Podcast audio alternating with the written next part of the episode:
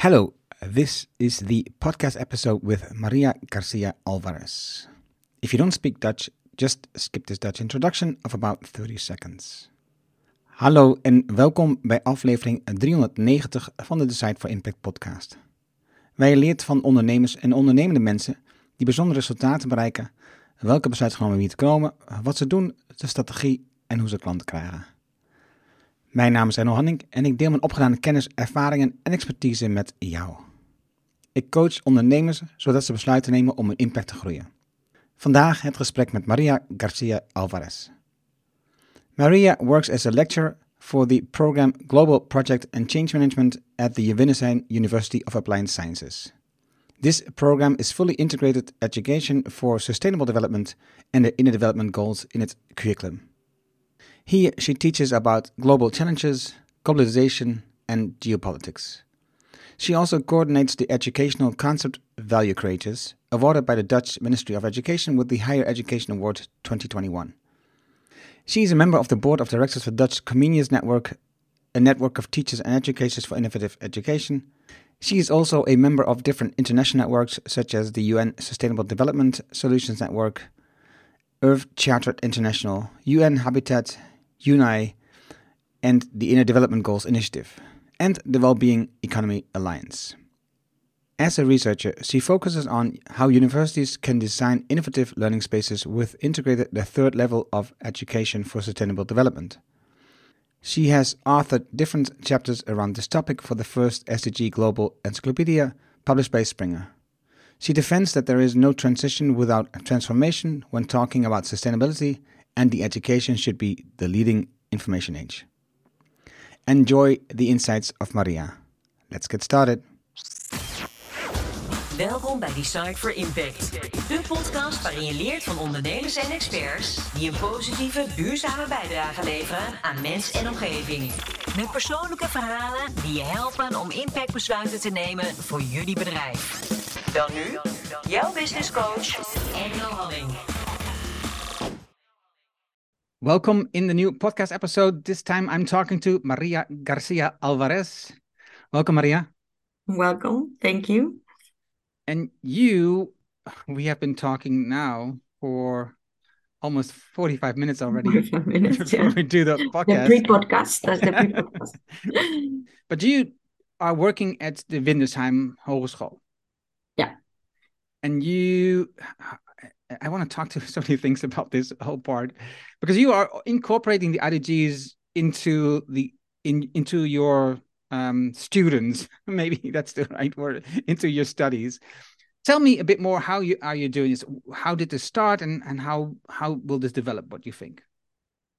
well, we incorporate them in the curriculum, and of course, uh, our program is Global Project and Change Management. It's part of the Windesheim Honors College, and our philosophy um, it is to teach for sustainability. So we do education for sustainable development, and that means that uh, beyond the discipline, in this case, project manager and change uh, management, we want our students to make a better world, to change the world using these tools, and we were also working in the curriculum with other type of competences uh, the framework of education for sustainable development from unesco. But these are really academic frameworks sometimes difficult for everyone to understand. And as you know in uh, in academia what we cannot assess we don't use. Uh, so we were redoing and uh, reframing a little bit the, the curriculum because we want to move more holistic away from subjects eh? work like more in units that create more meaningful uh, learning experiences for the students and then what we did is um, okay let's take a look at the narrative of our learning outcomes and uh, our program learning outcomes and compare it with the narrative of the inner development goals and we saw a lot of alignment so actually, it's not that we had to change anything in what we had. It was just to explore what we have with the lenses of the inner development goals. And it was a, a really nice experience to see, well, actually, we're doing much more even than we thought. Or uh, how to frame or translate this. Sometimes the learning, especially program learning outcomes, can be so abstract. How do you translate these in qualities and skills that are so comprehensible for the student? And I think the inner development goals uh, gave us this uh, this framework. And actually, if you look at it, it's nothing new because a lot of these qualities and these skills are in the 21st century skills frameworks that you, uh, you know universities were using all over the world or or these other competences for sustainability. But it is the language. It's so easy to understand it's not we're not talking about normative and strategic competency anymore which is difficult for the, to understand for the student and for the teacher. Um, we're talking about yeah connectedness so inner compass. And this is another narrative and another languages that is also quite inspiring when you are educating um, students in the in the field of sustainability or sustainable development. And that is the process we did just um, aligned it with the narrative and then take our students in the in the journey so we told the students okay these are the inner development goals our students have been working with SDGs and previous generation of our students with the Millennium Development Goals. So they are not strange to the agenda. Uh, but now it's like, okay, these are the tools that we can use and the capacities. I, I like to see the, the inner development goals framework talks about qualities and skills. And I, I like to use the word capabilities because I think they are more capabilities. And uh, and now I can tell my students, okay, so these are the capabilities that you need to develop and explore further if we want to get there. You know, I always, I think probably this will be the title of my uh, PhD thesis when I finish, but there's no transition without transformation. And the agenda is a transition document. And I think the inner development goals is a transformation path um, in order to get there, but then get there and don't make mistakes again. Mm. So that is a little bit the process we are in now. I think we are using the same tagline for Amsterdam for the hub. yeah. The we call them because now you were able to translate the IDGs from English to Dutch, so we made the translation with a group of people, and we call them vaardigheden en kwaliteiten. Mm-hmm. Not just skills, but vaardigheden and kwaliteit. So because not all of them are really skills, like you just sent. Uh, uh, yeah. Capabilities. Yeah. I'm also I'm I'm just because you just mentioned of changing the world for these with these students, and I'm I, I just mentioned Maria uh, Grazia Testa to you, and she has in the uh, LinkedIn header she has the saying the quote We don't need a better world, we need to be better for our world, and I think that is a good point. I always see it also in comments on LinkedIn when there's a discussion going on that we cannot change the world, right? We cannot change the environment in a positive way because nature will just do what it will do. And and that, I think that is true. And that's why also the IDGs are so important. We need to change ourselves, right? We need to change how true. we do it, how we respond to things and how true, we true, I think it's so interesting this, and uh, but it's also depending if if we understand the the world as the planet Earth with a natural ecosystem, of course. But I understand also the world is a construction that we do every day. And I think we can change it because we constructed that reality with the worldviews and mental models, right, that we have, and we can construct new ones.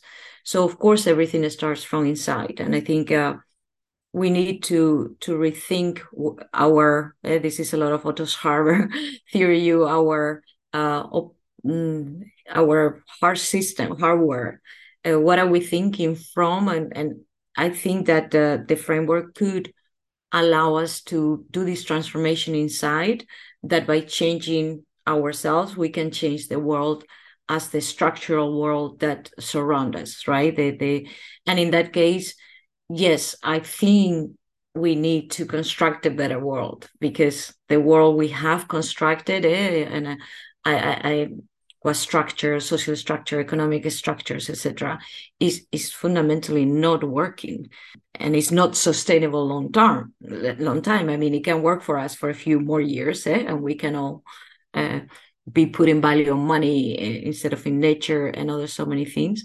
But I think we deserve actually. It's not only that we need it. I think we deserve uh, a better world a structure and the plan and also a world that serves the planet in that sense. So sometimes it's difficult because we understand the world as the ecosystem and the world, but I try to to to separate it because sometimes the world has been so anthropocene, it has been something we constructed as humans. And I think we can we can do much better. but I totally agree that it starts the journey it starts inside, no question. Yeah. Yeah, and I was I was thinking about this this discussing with this a friend who's an entrepreneur, and when you talk about the I forgot the theory that's behind this, but they talk about different colors that we use in language, right? So you have like the orange language, which is more like business, uh, corporations. They talk about wars, about competitors, about losing and winning. And then you have the green language, and they talk more about doing things together, um, making a better place together. And the thing is, when we talk about that, the inner development starts, you know, the development starts, the change starts within ourselves these these orange people don't understand us. They they have no clue because they haven't evolved at that point. and i'm not saying they are worse but they have no clue what we are talking they don't hear that language. Like a child when you say a child something uh, which is you know which as an adult you understand but a child doesn't understand that's a, that's the same thing right? So for me that's always a question how do you bring the people along who don't yet understand the language well, I wish I had the answer. I think that I think well, first of all, with language is also what happens also with with all the languages of the world, right? I mean, uh, uh, language is a cultural manifestation of of the way we have constructed our own world. So depending also the language you speak, uh, you have a tendency to to understand the world and create the world around you um, in one of the other way. I always say, like the Dutch, for example, is such an effective and efficient language with a simple but yet really difficult grammar that you just learn as you.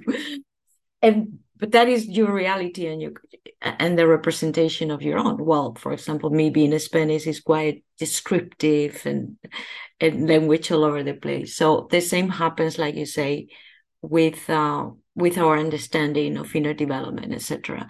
I think it's just like uh, what I try to to show my students, at least, is the disconnection that we have these uh, huge divides, um, not only with nature and not only with economy, etc. We have a huge divide with ourselves.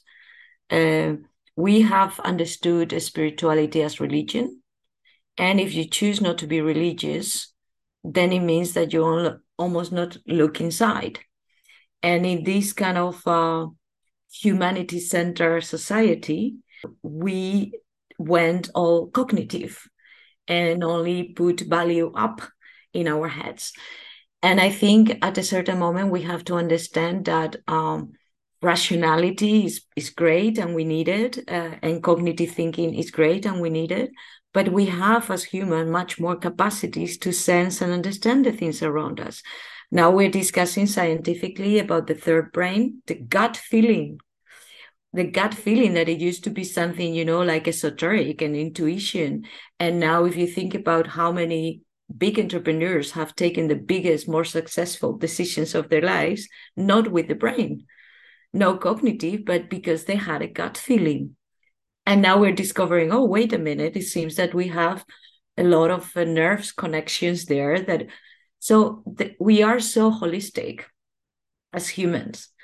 And that means also uh, uh, we have to reconnect inside before we start reconnecting you know with each other and with nature and with the planet because otherwise it's not going to work we we're going to keep looking at the at this world from a fragmented view and speaking different languages. But I think it's about recognizing the potential, incredible potential we have as humans. We know almost nothing about ourselves. And this is really nice, right? That we're trying to explore other planets and go to Mars. Uh, and yet we know what, I don't know, only 50% of our brain works, of our body connects, and uh, we're discussing for generations eh, about the soul. Do we have a soul? What does a soul mean? Um, maybe in the soul is that connection that we lost as well with uh, with nature, because we are part of an ecosystem and and we are all connected uh, somehow. So I think that um, speaking the same language goes through getting to know the the. In this case, I'm going more anthropocene okay if we we want to be so anthropocene and human focus let's really put the therefore to get to know us and how do we work completely and holistically and reconnect with each other again and then other connections will be much much more easy there's two things i i have from this what you just all said um, one is kahneman i will i will come back to him later the second is whenever i talk about the idgs like you just mentioned that the the language is so easy right the words are very easy to understand mm-hmm whenever we talk about IDGs with people, especially compared to SDGs, right? So SDGs, it's huge. It's not clear what it exactly is.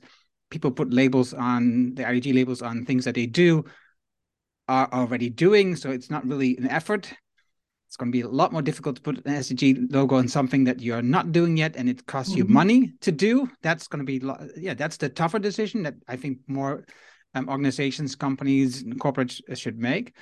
But whenever I talk about the IDGs and just explain a little bit what it is, they you know they understand quickly. They really it really clicks right away. So I, I I agree. The language is just it's a really it's a really good marketing they've come up with, but it's it's easy to understand. It's only 23 goals. It's still 23, but uh, five domains, five to four skills in each domain so it's it and and you can just work on one skill if you you know where to start just begin with one skill and develop that one and then you know see how that works for you and how how your life changes when you do this that's how i you know how i see it when you talk about the gut because i've been talking about the gut before in my writings when i talk about decision making and um, I've been reading um, Kahneman's work and uh, Daniel Kahneman, who's all about you know the true system one and system two in the brain.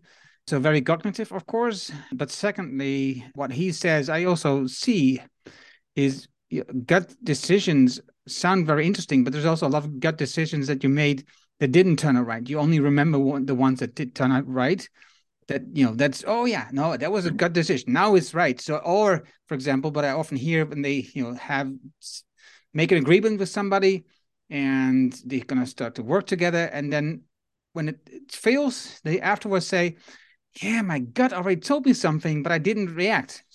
And i go like okay why not? Because you already heard the gut and why didn't you respond?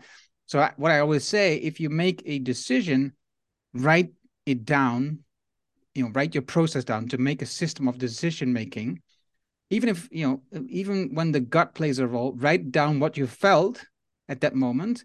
So when you look back after like uh, two months or a half a year and you look back and you re-evaluate the decision process not the result because that's you have no you have no influence on result but you have influence on your process. So look if your process is correct yes or no.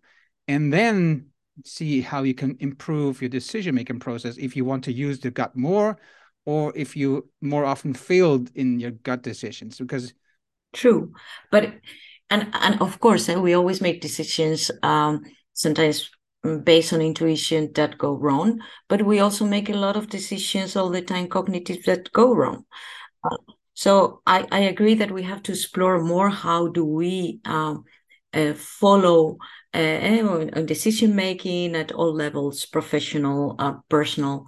Sometimes i think we have much more information that we think and the problem is that that we do not look at it. We don't listen and try to learn. Um, I, I had trainings uh, in the past about discovering your intuition and now i know uh, to differentiate when the is intuition or when it's fear. Or because sometimes you you have a tendency to feel uh, similar. And this also has to do with um, i see an incredible disconnection and going back to our conversation about language about how we go on emotions you know? We we have a tendency not to i always say for example little kids when they come to us if when we're parents and the kids come and they are like oh because i'm upset and this and that and at the end what happens is that the kid is hungry or is tired so we do not have this conversation of what are you really feeling you know what is really the pain is is is that an emotion um, so i always um, remember to when my daughter now she doesn't follow anymore my orders because she's 18 but when my daughter was a little bit younger and i was starting to train in theory u I would tell her, show me with your body. You know, this this is stuck a statue exercise. Don't tell me with words uh, what pain or what you're feeling, but show me with your body. Put the position so I can feel um, and I can read another part of your narrative uh, and see is this an emotion? Is this, you know, like you're just tired or hungry, hungry or something like that? And is this this connection with our feelings and with our insight that is making us not to know all of our, our potential? So actually, uh, the inner development goals or any other inner development uh, with any other framework that can work for someone else uh, is not only bringing the possibility to uh, change you know things for a better world structure in this case so it's actually bringing us so much potential personal and professional that we we can explore. And i think this is where for those eh, in this language of oh yeah but uh, more cognitive is like well I'm offering you even more, you know, I'm offering you to speak another language, which we all agree that speaking more than one language is so enriching. Yeah, then I'm also giving you the possibility to humanly uh, use so many different parts of, of your body. But yes, true, we have to explore it and we never put attention. When it's about intuition, it's just like something we forget. And when we take decisions with a lot of paperwork and research, is something we have much more um, uh, able to monitor and evaluate. But I think there's even some initiatives in the research academia world to go back to intuitive research because they have seen a lot of big discoveries of people that is a Nobel Prize. Of course, came because they had a lot of knowledge and they had a lot of back. But that moment, that exact moment of the big change, did not came from the head. You know, it came from a sensing, a feeling, a, and you only can have that if you have work also this connection with the inside, where you can put alignment. And I, I think that's uh, because I remember an interview with Kahneman. It's because they talked about at some point did he obviously somebody said so kahneman doesn't believe in gut feelings and uh, gut decision making. And one interview asked him if is this really true? And he says no it isn't true. I haven't ever said that. What is true that if you don't have experience on something or don't have knowledge on something and you make gut decisions the chances are that they are not the right decisions because you have you have nothing there right? So it's just that's it, probably it's just fear right that's uh, emotions that are responding but if you have done same thing a lot of times, and there is instant feedback, so you can see when you when you decide something and you can see what the result is, so you get instant feedback of the outcome of your decision,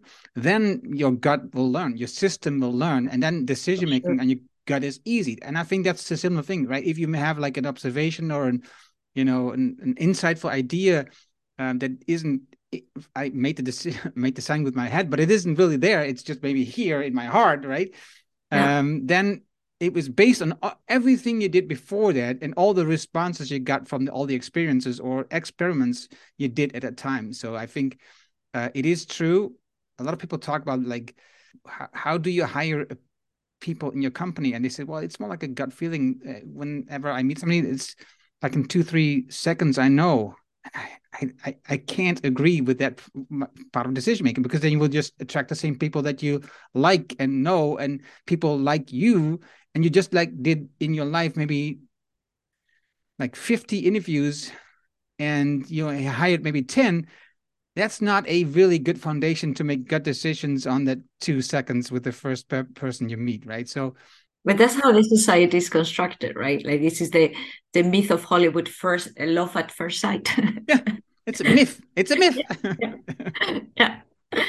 totally agree but yeah i think we need to go back to um to another way again of constructing our world and our scientific uh, way of looking at things right? I think most of the european um, science that has dominated western science is fragmentalized and is rationality. And there's so many other things out there it's okay to integrate them we are not saying okay thinking with the head and rationality is uh, is the only thing um, i mean it's bad and the other thing is good. It's just we need more holistic and more integration.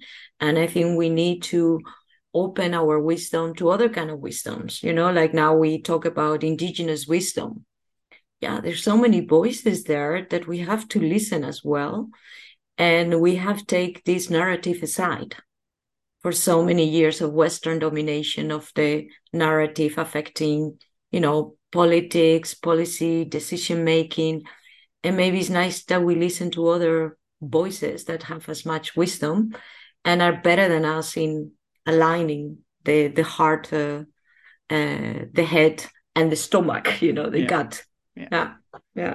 I, I was reading, and I'm reading an, again a new book uh, by David Graeber. The the Dutch translation is just out about um, something about pirates. Uh, pirates at the Insel, the the island at uh, below uh, Madagascar. Mm-hmm. They apparently it's not sure, but apparently there was a, a, time in history. I think it was like the 17th century, or yeah, I think it was 17th century. There was a time on this island where there was like a um, pirate democracy. So um, everybody does their own thing until you go to battle, until something is happening. Then there is suddenly um, a strict order of how things are happening. Like on a pirate ship, when we go to battle, the captain decides how we do things, right? So then there's the order in ranks with all the people. If not, it's just it's just chaos. Everybody's doing the things, and it doesn't really matter what rank you are. And the same thing they tried on this island. And the whole story about the verlichting, I'm not sure what again mm-hmm. the English translation is.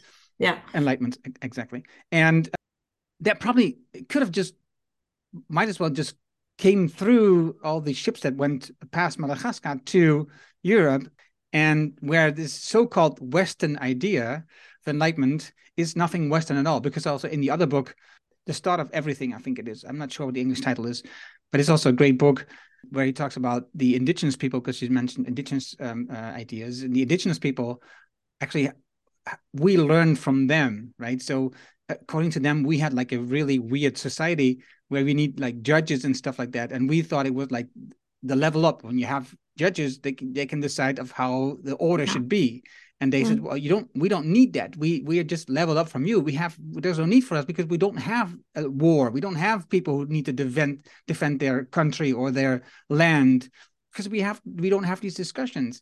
And then you know enlightenment probably comes from indigenous people instead of from us as the western people right? So that was um, for me yeah. really an opening.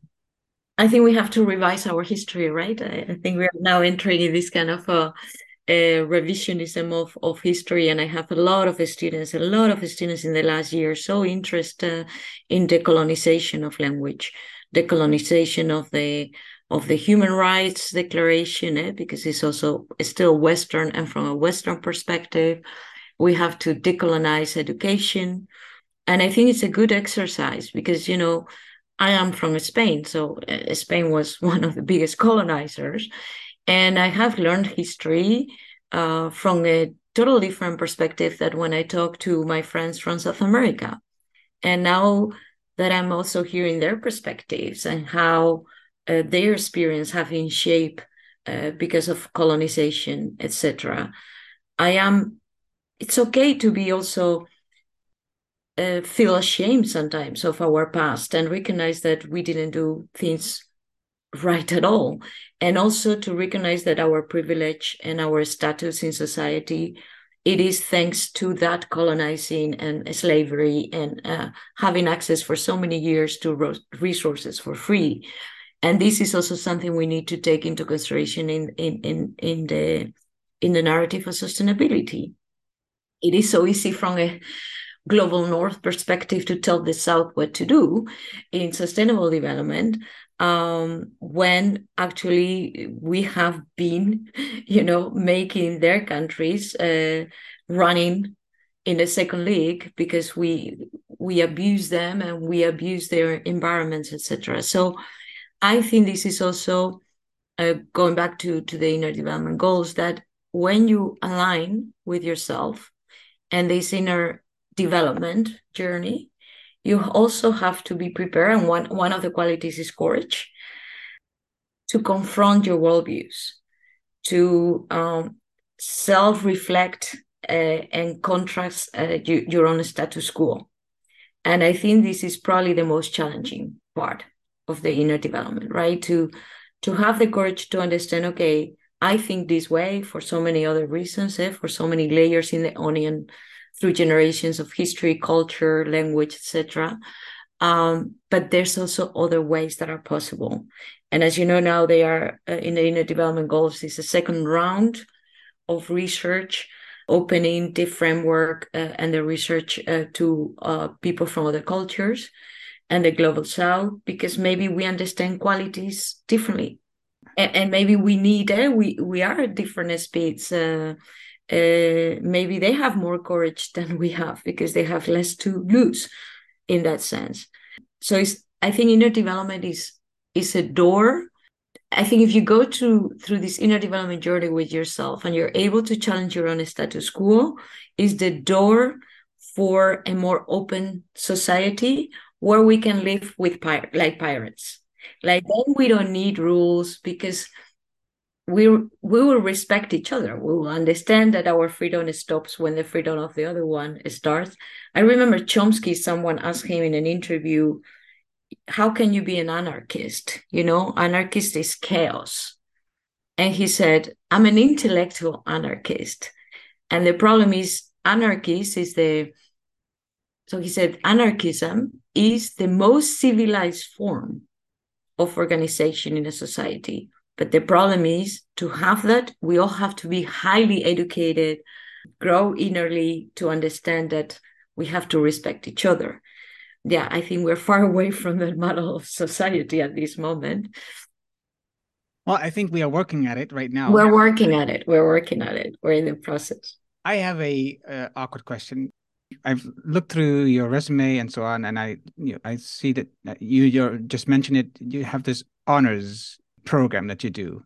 What is an honors program? I have no idea. This is also an interesting question. We are in the in the Netherlands, you have uh, the honors program. So this is something that universities and uh, offer students that want an extra mile, that want to do something extra, and then they will take like extra lessons. Usually, um, most of the time in relation to sustainable development, especially in the last years. So it's an extra program with extra credits next to whatever they are doing.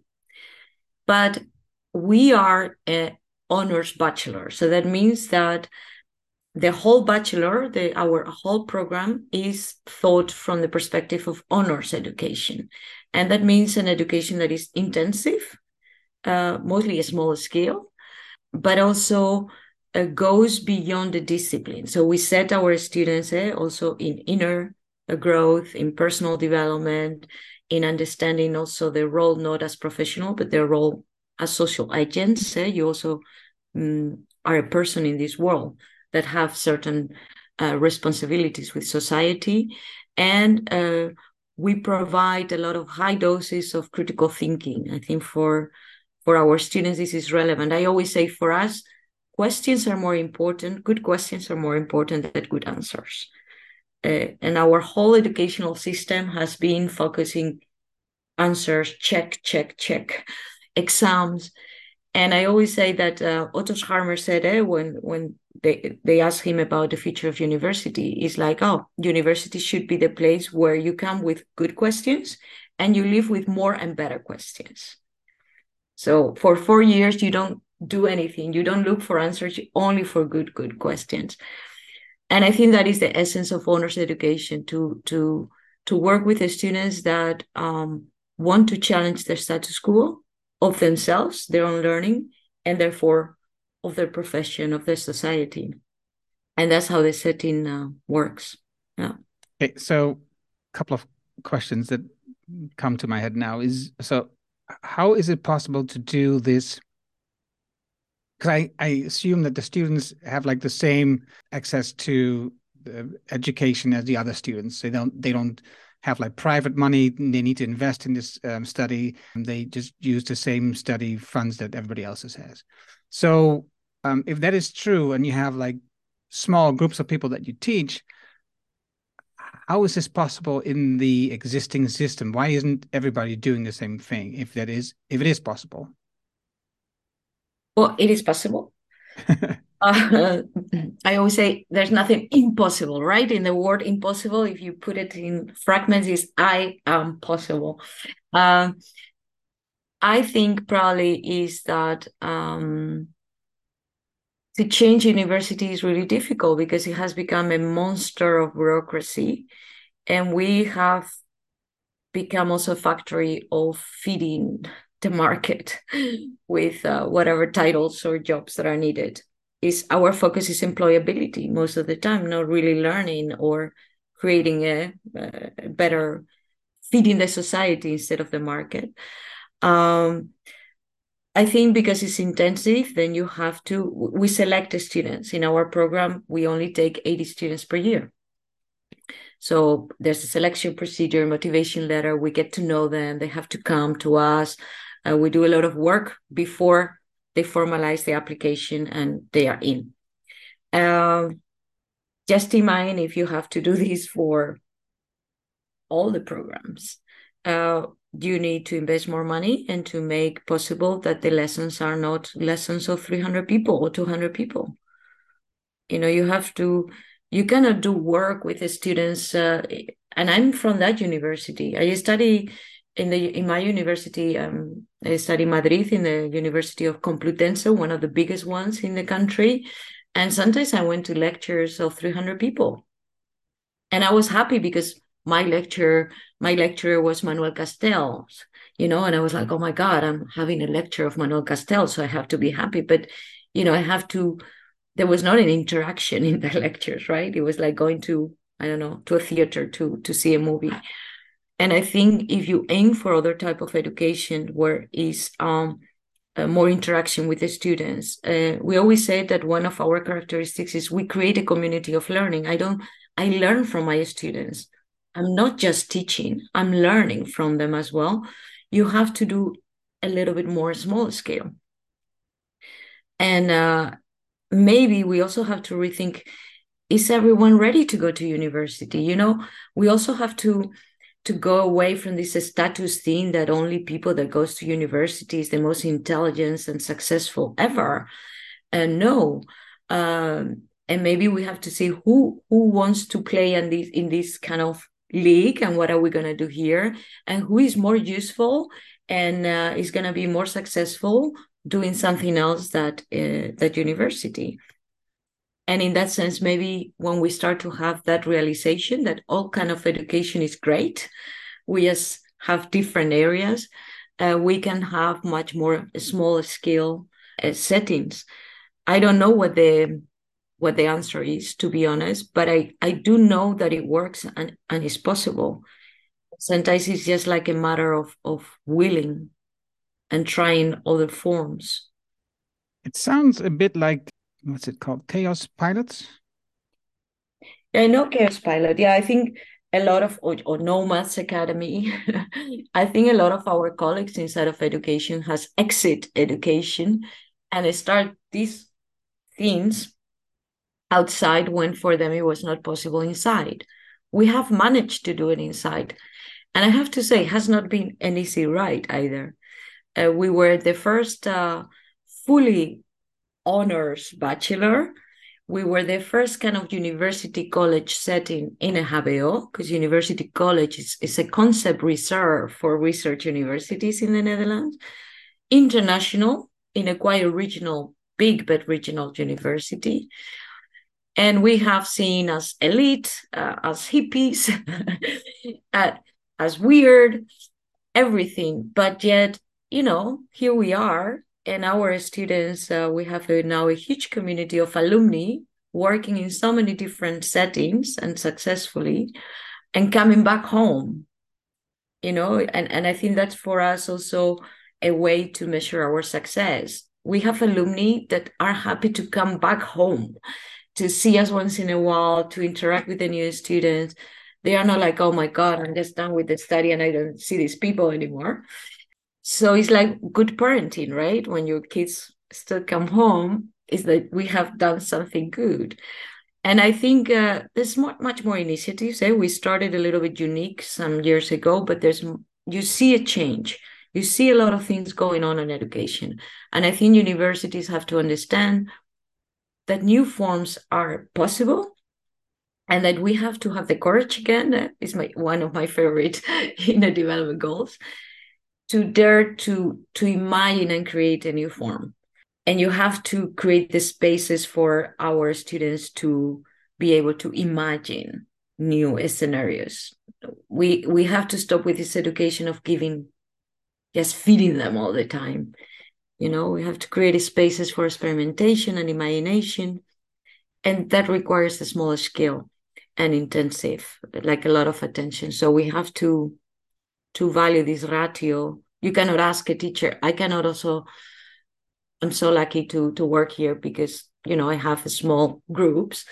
But i was like if i would be being a teacher to 200 students that i don't even know the names what is the value there? So we have to rethink this um, i think it's important to engage with people you were talking about uh, before the, the podcast the pre-podcast conversation about connectedness and it's the only way we learn, right? I mean, it's when we really connect with people in a conversation, when we engage, they say, oh, wow. So how can we connect with our students otherwise that creating a, a more, you know, community of learning environment where we can trust each other? Yeah, I agree. And I talk about her a lot, even if I don't know her and I haven't been to any of her lectures or workshops or anything. But a friend of mine talks about her a lot, Nora Bateson and she lives in Sweden too, I believe, or Norway. I'm not sure. I think it's Sweden.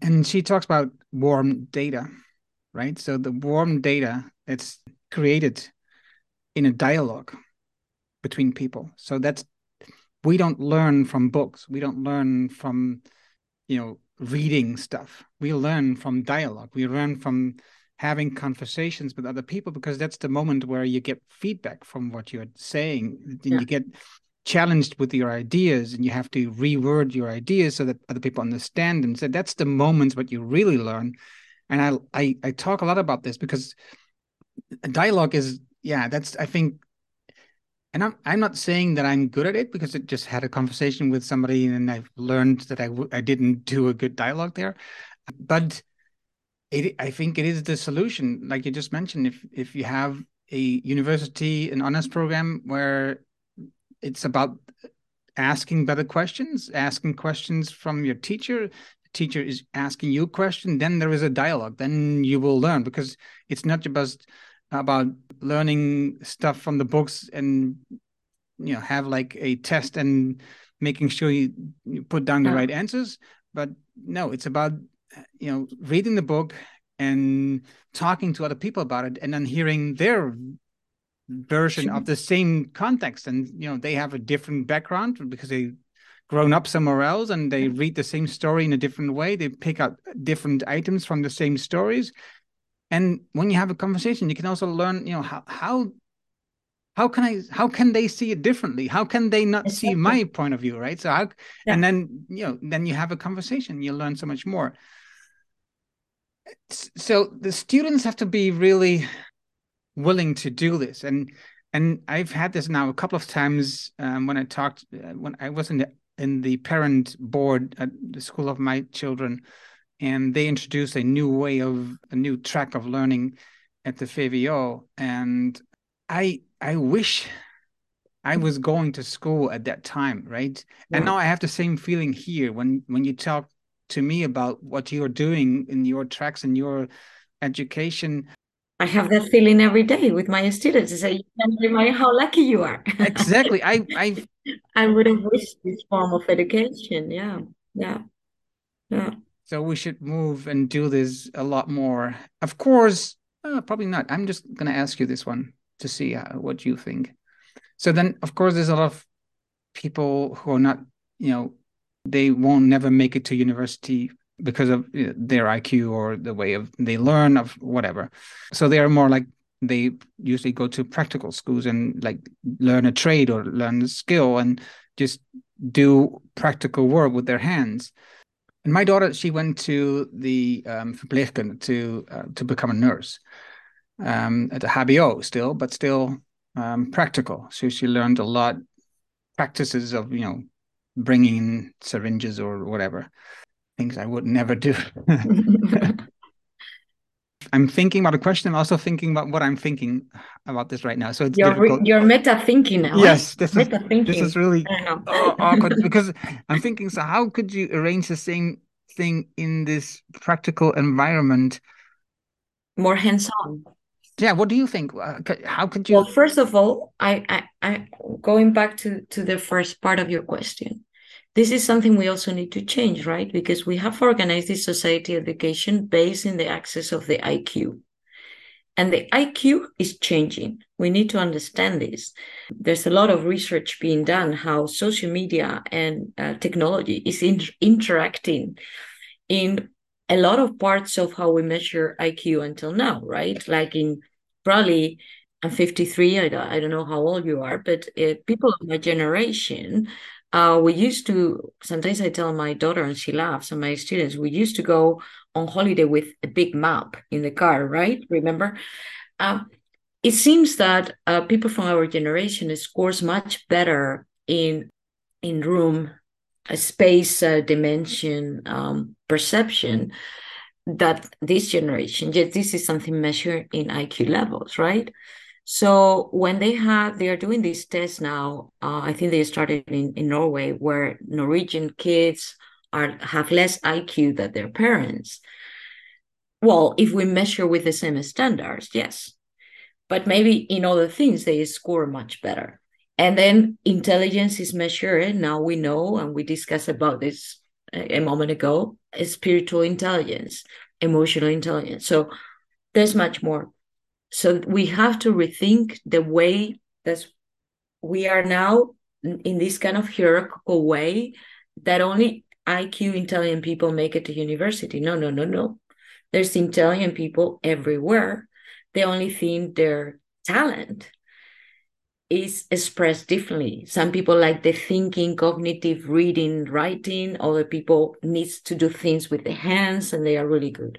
So that is something that that I think should change. And then these spaces are possible at all levels because what these spaces are is first connect with your students, get to know them. You have people there that is not in a student number. I know my students. Uh, I know sometimes things about their lives. We have an incredible close career counseling support.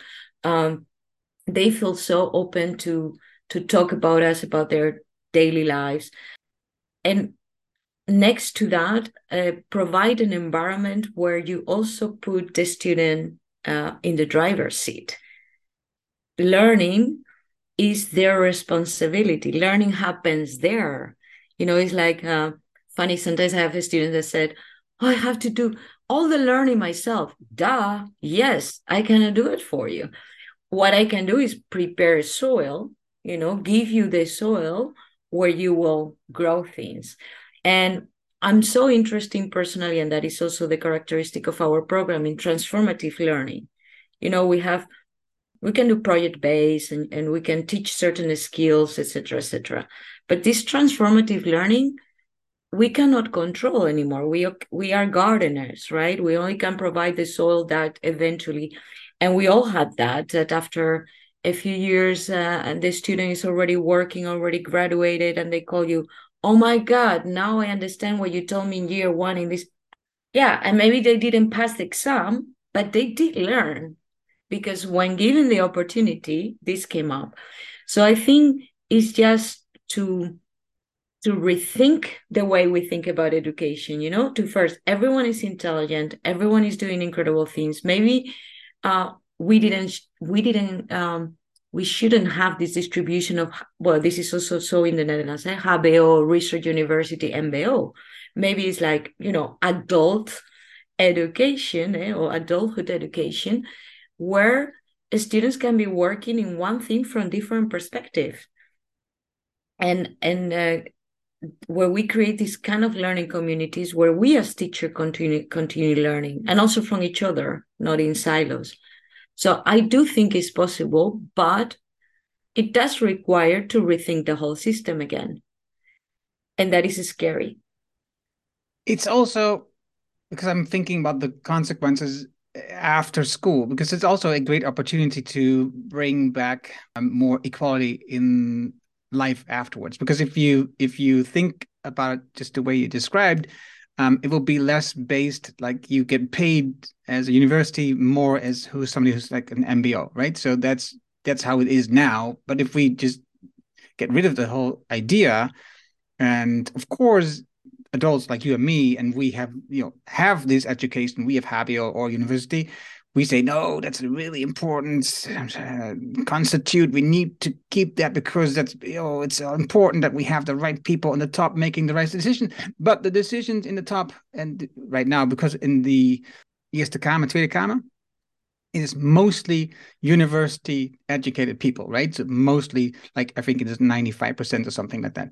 So you don't get any opinions from people who are um, MBO, right? Who are practical, for example, within governmental areas. They have lost completely touch with people who work in that area. Yeah. And um, of course, these same people will say, no, we are, we know we make the best decision and look at the mess they are making. So they are not making the best decision. I'm not saying the other ones are making better decisions they probably make the same They're not even given the opportunity. But it's it is and it is it is like a difficult word. Of course, we make mis- mistakes. Of course, but if we don't listen to other people from other silos or yeah. other backgrounds or other. But this is so interesting, right? Because it's again the hierarchical. This is social stratification. Uh, that thinking that in the top of the pyramid, if you're here, you can do better. I don't know personally. Uh, if I think money and financially, my friends that did not go to university and start uh, doing their own business because they were more entrepreneurial are making more money than me that i went to university and doing my phd so it's a myth. It's a myth. In spain it's funny because sometimes i have seen uh, jokes about this because a lot of people we were a generation my generation was like please go to university and university was so accessible for everyone because it, was really cheap. Uh, so our parents were like, oh my God, all the kids to university. Suddenly we don't have. Eh, it was a generation that we didn't have anymore electricians and good. Rel- so when one of them was good, they were making so much money that sometimes, you know, in Spain, um, if you're a lawyer and you have a private consultation, you put this gold kind of uh, plate, you know, in, in, in your house and then there were like a bigger plate for whatever whatever a loodgieter or electrician because they were making more money. And this is probably what is going to come to the netherlands right? Because we're lacking these people. We put so much pressure in our kids to go to university because it's like if you don't go to university you're no one. And i'm the first one that that do that with my own daughter. I have to say oh please go to university. That we are not embracing and the talent of these other levels who are sustaining our society. And then with the decision making, I totally agree. Because yesterday, actually, I was watching a program where the architect, you know, these programs where they design spectacular houses, and the architect did all these things. But when the day of putting everything together, because it was like a prefab, it did not work because they never talked to the electrician guy and to the other guy and they say yeah but this is impossible. You know no no because your house will burn. So this is the disconnection and the fragmentation right? That we don't talk to each other in these levels in discipline level. We have the example with covid you know? Everyone was in epistemology epidemiology at the same time but no one knew anything. Uh, we didn't talk to each other so we need to go to a more holistic understanding of education and and to understand again that um, intelligence is going to change. You know, uh, the way we look at we have artificial intelligence kicking in. We have the GTP chat discussion now in education. We have MIT working. I think they are about to present it, right? This chip uh, that you can put in your brains, and you have access to all the knowledge of the world. So what do how do we measure that? We have to come up with uh, different ways and, and different systems and and I think also what people is good in, you know. So and I have as a parent, not not only as an educator, so many times I also ask myself, do I take good choices for my kid? Because maybe I don't know, she wanted to be a hairdresser and that was her passion and she would have been successful and happy and the best hairdresser of the world why should she be i don't know a doctor and be miserable? Yeah i agree. And i have i can i can only look back at my own life right? So i have done an mba mbo electrician. I, I'm, i've learned you know to do electrician's work and also electronics. So i did two on the mbo then i went to the HBO to telecommunication. Again practical, but you know, more on computers at that time. And then I did an MBA because I felt it was important to understand like what's going on with strategy, what's going on internally, culture, and all this stuff. I've, I found it really interesting in companies how it worked, and I want to learn more about it. I think I'm I'm even learning more today than I ever did before by talking to people, reading books. I'm reading so many books now, and then and then you know writing about it and then discussing it with another friend. We do this book podcast, um, every two weeks when we discuss a book. Um, so because then we talk about we have different point of views on the same book, or I talk with people in the podcast like you, and I see my daughter choose to go from the MBO to the um, from the HAVO to the HBO, and she wanted to become a nurse at some point. And I always thought she was going to be like um, somebody on stage, right, in a theater, because she was very expressive when she was younger and and I was fine with I you know that was fine with me. And she didn't have to go. But then she thought okay I'm gonna be a, nurse. I want to work in a very um, stressful environment um, like the Eerste Hulp right? So um, uh, ER or you know to, a lot of stress. And I like when stuff is going on. And our son he was at VWO, so he was he could learn easier, faster. My daughter had to put like a lot of effort in in studying, but he was just it just worked for him. So when he finished the VWO in in one go, which most of the people just were amazed because he wasn't doing so well just before that, but he, made it, and it's just my son. And then he went to the HBO, and I go like, "Why do you want to go to the HBO now?" He says, "Well." It's more practical. Now i don't have to do all this thinking anymore. I can just do stuff with my hands and it's more practical than the university. He said yo i have done the university the HBO you're wrong. It's just, it's it's it's all books. It's there's not a lot of practical stuff going on. It's just some classes the rest is just all books. But you know it's your decision. You go to HBO so he did one year then he you know he all the classes were really easy for him only the project he failed because the other people all fell off and he just couldn't finish the project. So he didn't have his uh. And so then he went to the university. So he lost lost a year. Of course not, but um, it just cost him extra money. But that's he didn't lose a year. He went to economics, which I, I um, again didn't understand why you want to do that. anyway, because it's just books. It's just reading all books. It's nothing going on on practical side anymore at all and now he's evaluating finances, uh, um, loans for companies. Um, that's his first job at the Rabobank. So, um, and I'm telling you this because what happens now, obviously, is you can see the difference on level of pay, right? He's a man, university, starts. He's already farther than my daughter, who, who had to study much harder to get where she is now. She's already again studying in her new job, but he's he's going so much faster than she is. And you know, I I don't blame him. I don't say he's doing something wrong, but the system is wrong that we allow this to mm-hmm. happen, right? So the system is wrong. That's why I think we should start with the education and change that because then the level will be so mm-hmm. much different, right? Yeah, I had this conversation, exactly this conversation this weekend with some friends because every morning when I go to work, I see the cleaning lady. You know, on the other day, she was cleaning the, the bathrooms, and someone, I don't know, was sick probably and throw up in the sink, and she was cleaning. And then I entered in the toilet, and it was a little bit disgusting. And then she was cleaning, and then I was thinking, wow, you know, this girl comes here probably really difficult hours because they probably start at six. Um, they have to clean all these so it's a job that requires a lot of, you know, dealing with cleaning the hard work. Well, I was like, probably I'm making, I don't know, how much, much, much money than she's making by coming to a clean desk that she cleaned for me, getting a coffee, talk to students, learn, have meetings, sit down. Of course, I do probably an intellectual work, but what? Why is an intellectual work more than her work that also requires the capacity to deal with certain emotions and struggles? or the nurse uh, what you told what you told her like a nurse that is probably you know uh, cleaning sick people caring for sick people who is not sometimes the most easy people in the world uh, dealing with uh, hard decision situations where you affect the life of someone else towards the other one probably in a nice uh, office in the Rabobank you know?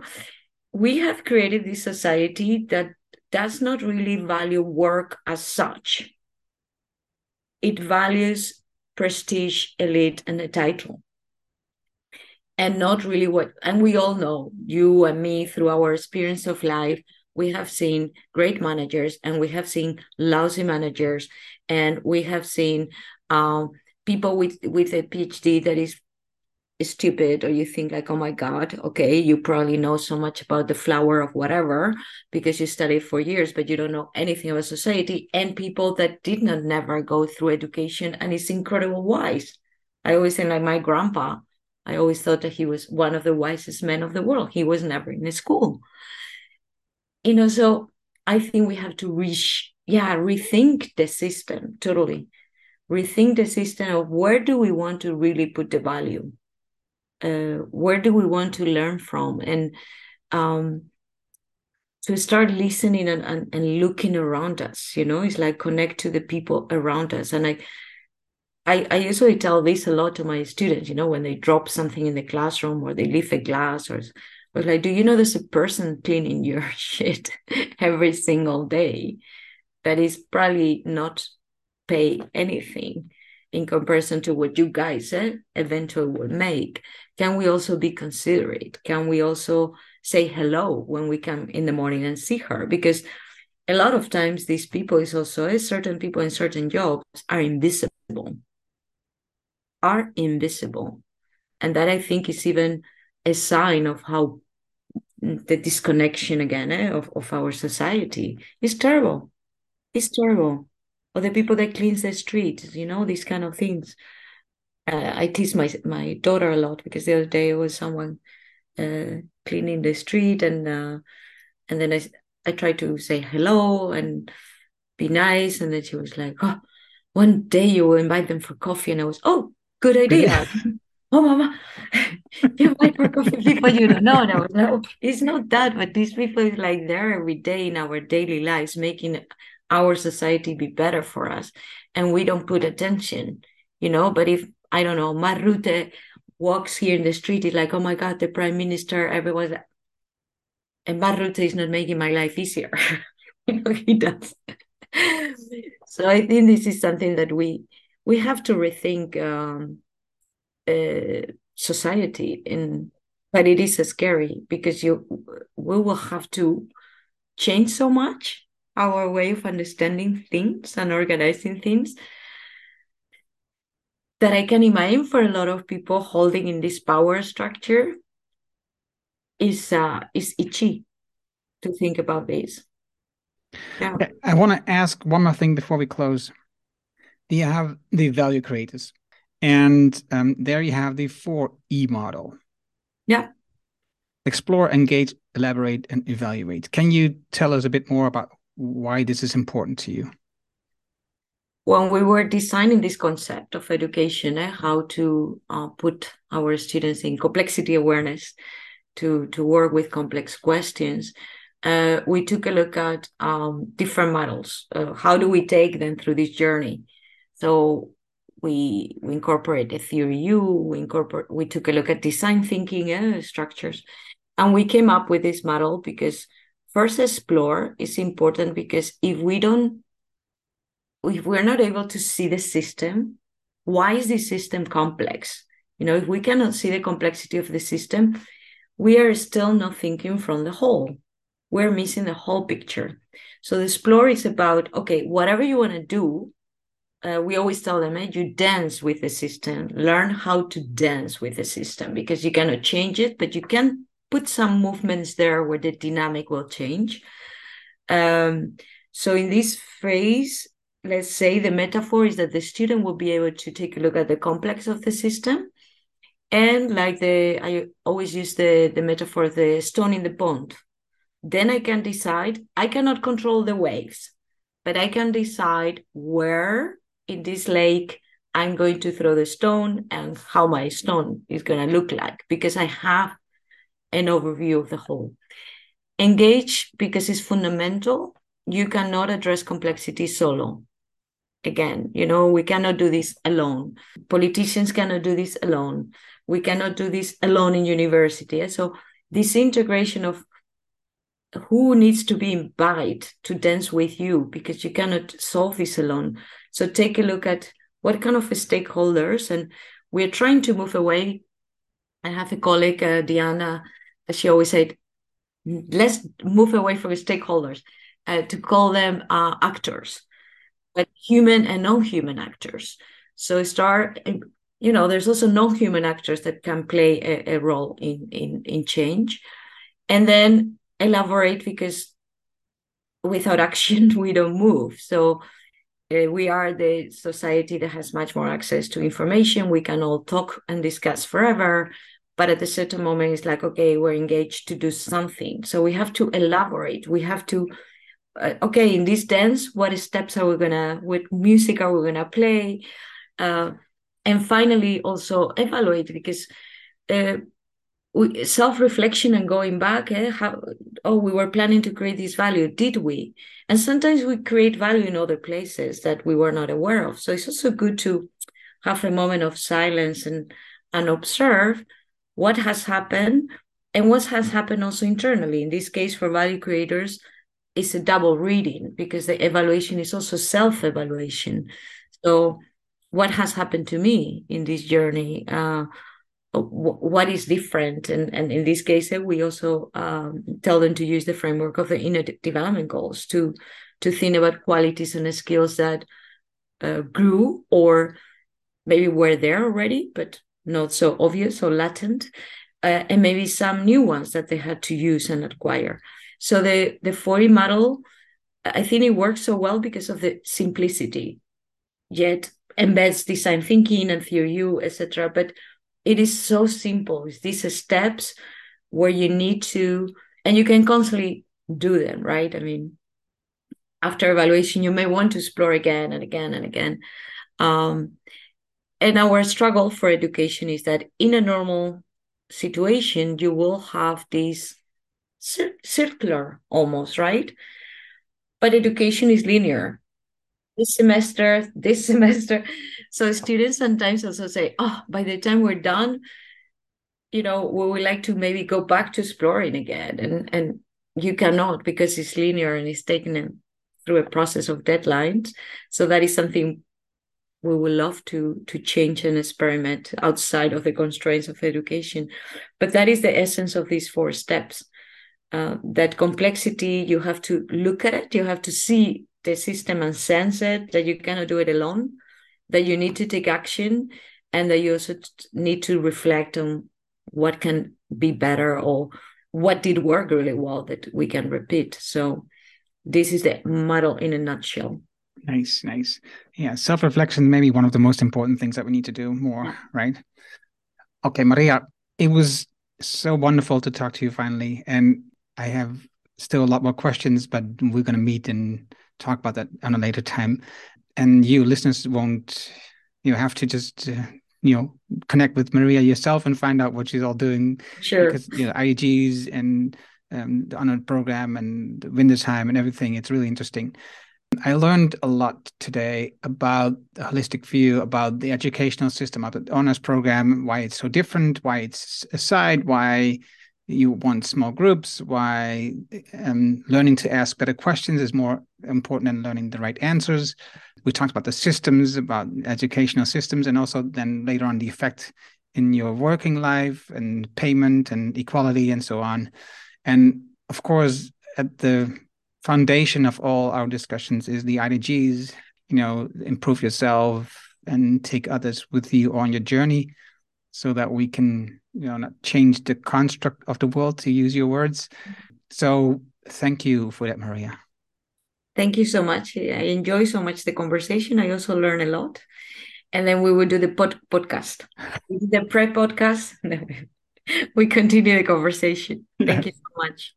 Dat was het mooie gesprek met Maria. Je vindt de namen en links die we noemden in het artikel dat bij deze uitzending hoort. Ga daarvoor naar decideforimpact.com slash show 390. Wil je vanzelf automatisch de volgende aflevering van deze podcast op je telefoon ontvangen? Dat kan heel eenvoudig. Heb je een iPhone, dan zit daar standaard de Apple Podcast app op. Open die app, zoek op de Decide for Impact podcast en klik op abonneer.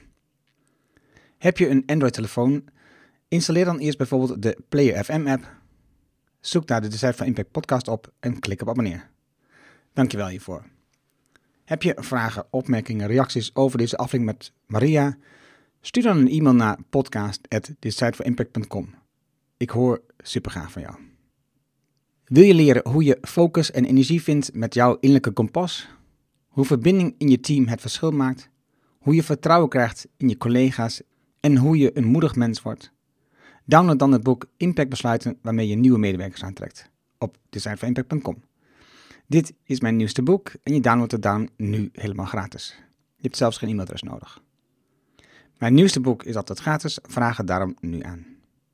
Je vraagt jouw boek aan op designforimpact.com. En ik weet, je hebt een volle agenda, je leest het in één avond tijd. Dankjewel voor het luisteren en graag tot de volgende. Dankjewel voor het luisteren naar deze aflevering van de Decide for Impact podcast. Ga voor jouw volgende stap naar decideforimpact.com.